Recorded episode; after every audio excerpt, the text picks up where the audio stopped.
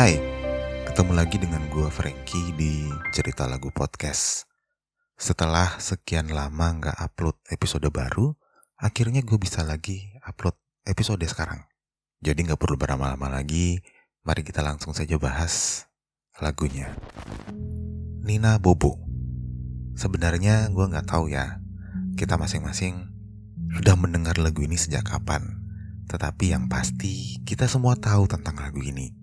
Lagu yang biasa dinyanyikan untuk menidurkan anak-anak kecil. Ya, lagu Nina Bobo. Lagu yang dipopulerkan oleh almarhum Anneke Gronloh, penyanyi Belanda kelahiran Indonesia. Menurut beberapa sumber yang gue baca, lagu Nina Bobo ini berkisah tentang seorang anak kecil kelahiran tahun 1871 bernama Helenina. Anak gadis dari pasangan Mustika, seorang perempuan Jawa yang berprofesi sebagai penari, dan Kapten Van Rotsnik yang berkebangsaan Belanda. Helenina, yang akrab dipanggil Nina, ternyata mengidap penyakit susah tidur, sehingga dia selalu gelisah ketika malam tiba.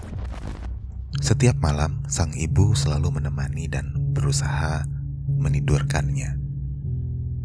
Suatu malam, ketika sedang berusaha menidurkan Nina, Mustika sang ibu bersenandung. Tanpa disadari, senandung itu dapat dengan mudah membuat Nina tidur. Kejadian ini berlangsung beberapa waktu sampai akhirnya sang ayah mengusulkan untuk membuat lirik atas senandung tersebut hingga jadilah sebuah lagu pengantar tidur untuk anak mereka, Nina. Nina Bobo, or Nina Bobo. Kalau tidak bobo, digigit nyamuk. Demikian lirik lagu Nina Bobo yang sering kita dengar.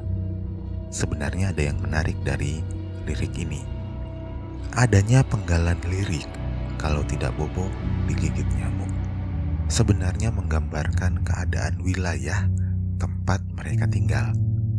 Menurut kisahnya, di tempat Nina dan kedua orang tuanya tinggal ada banyak nyamuk dan bahkan sudah menimbulkan wabah malaria.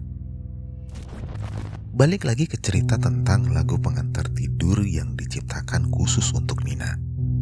Setiap kali lagu ini dinyanyikan oleh ibunya, Nina bisa tidur dengan nyenyak dan tidak lagi mengalami gangguan susah tidurnya. Sebaliknya, ketika Mustika, sang ibu tidak menyanyikan lagu ini, Nina kembali mengalami susah tidur. Nina sepertinya sudah ketergantungan dengan lagu ini. Dan hal ini berlangsung terus sampai Nina pada akhirnya berusia 6 tahun dan sedihnya ia meninggal dunia di usia tersebut. Tidak diketahui dengan jelas penyebab Nina meninggal. Tetapi kisah mistis di balik lagu ini mulai muncul sejak kepergian Nina. Kapten Van Rotsnik sering melihat istrinya Mustika menyanyikan lagu setiap malam di samping tempat tidur anak mereka yang sudah kosong. Mungkin dia berpikir, ah, mungkin saja istriku masih sedih dengan kepergian putri kami.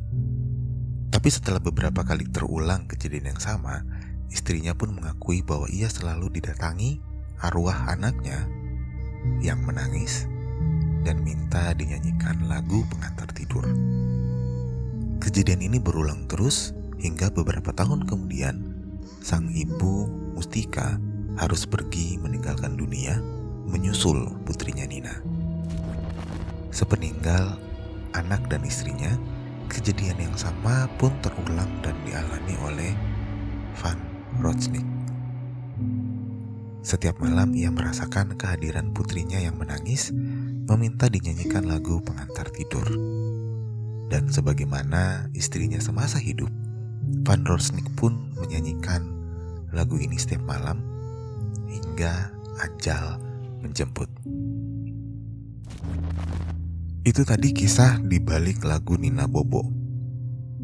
kisah ini dipercaya merupakan kisah nyata, dan ada beberapa orang yang bilang bahwa sampai saat ini Nina masih meminta untuk dinyanyikan lagu pengantar tidur.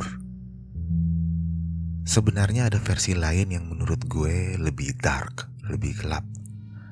Nina di versi ini dikisahkan sebagai seorang gadis yang mengalami gangguan mental, sehingga dipasung keluarganya. Suatu hari setelah sekian lama dipasung dan membuat berat badannya menurun serta kesehatannya memburuk, ibunya datang menemui Nina dan sambil memeluknya menyanyikan lagu ini hingga Nina pun tertidur. Tertidur selamanya. Versi kisah mana yang kalian pegang, gue nggak tahu. Yang pasti, setelah tahu kisah ini, muncul pertanyaan menarik masih berani nyanyiin Nina Bobo. Gue Frankie pamit. Sampai jumpa di episode selanjutnya. Bye-bye.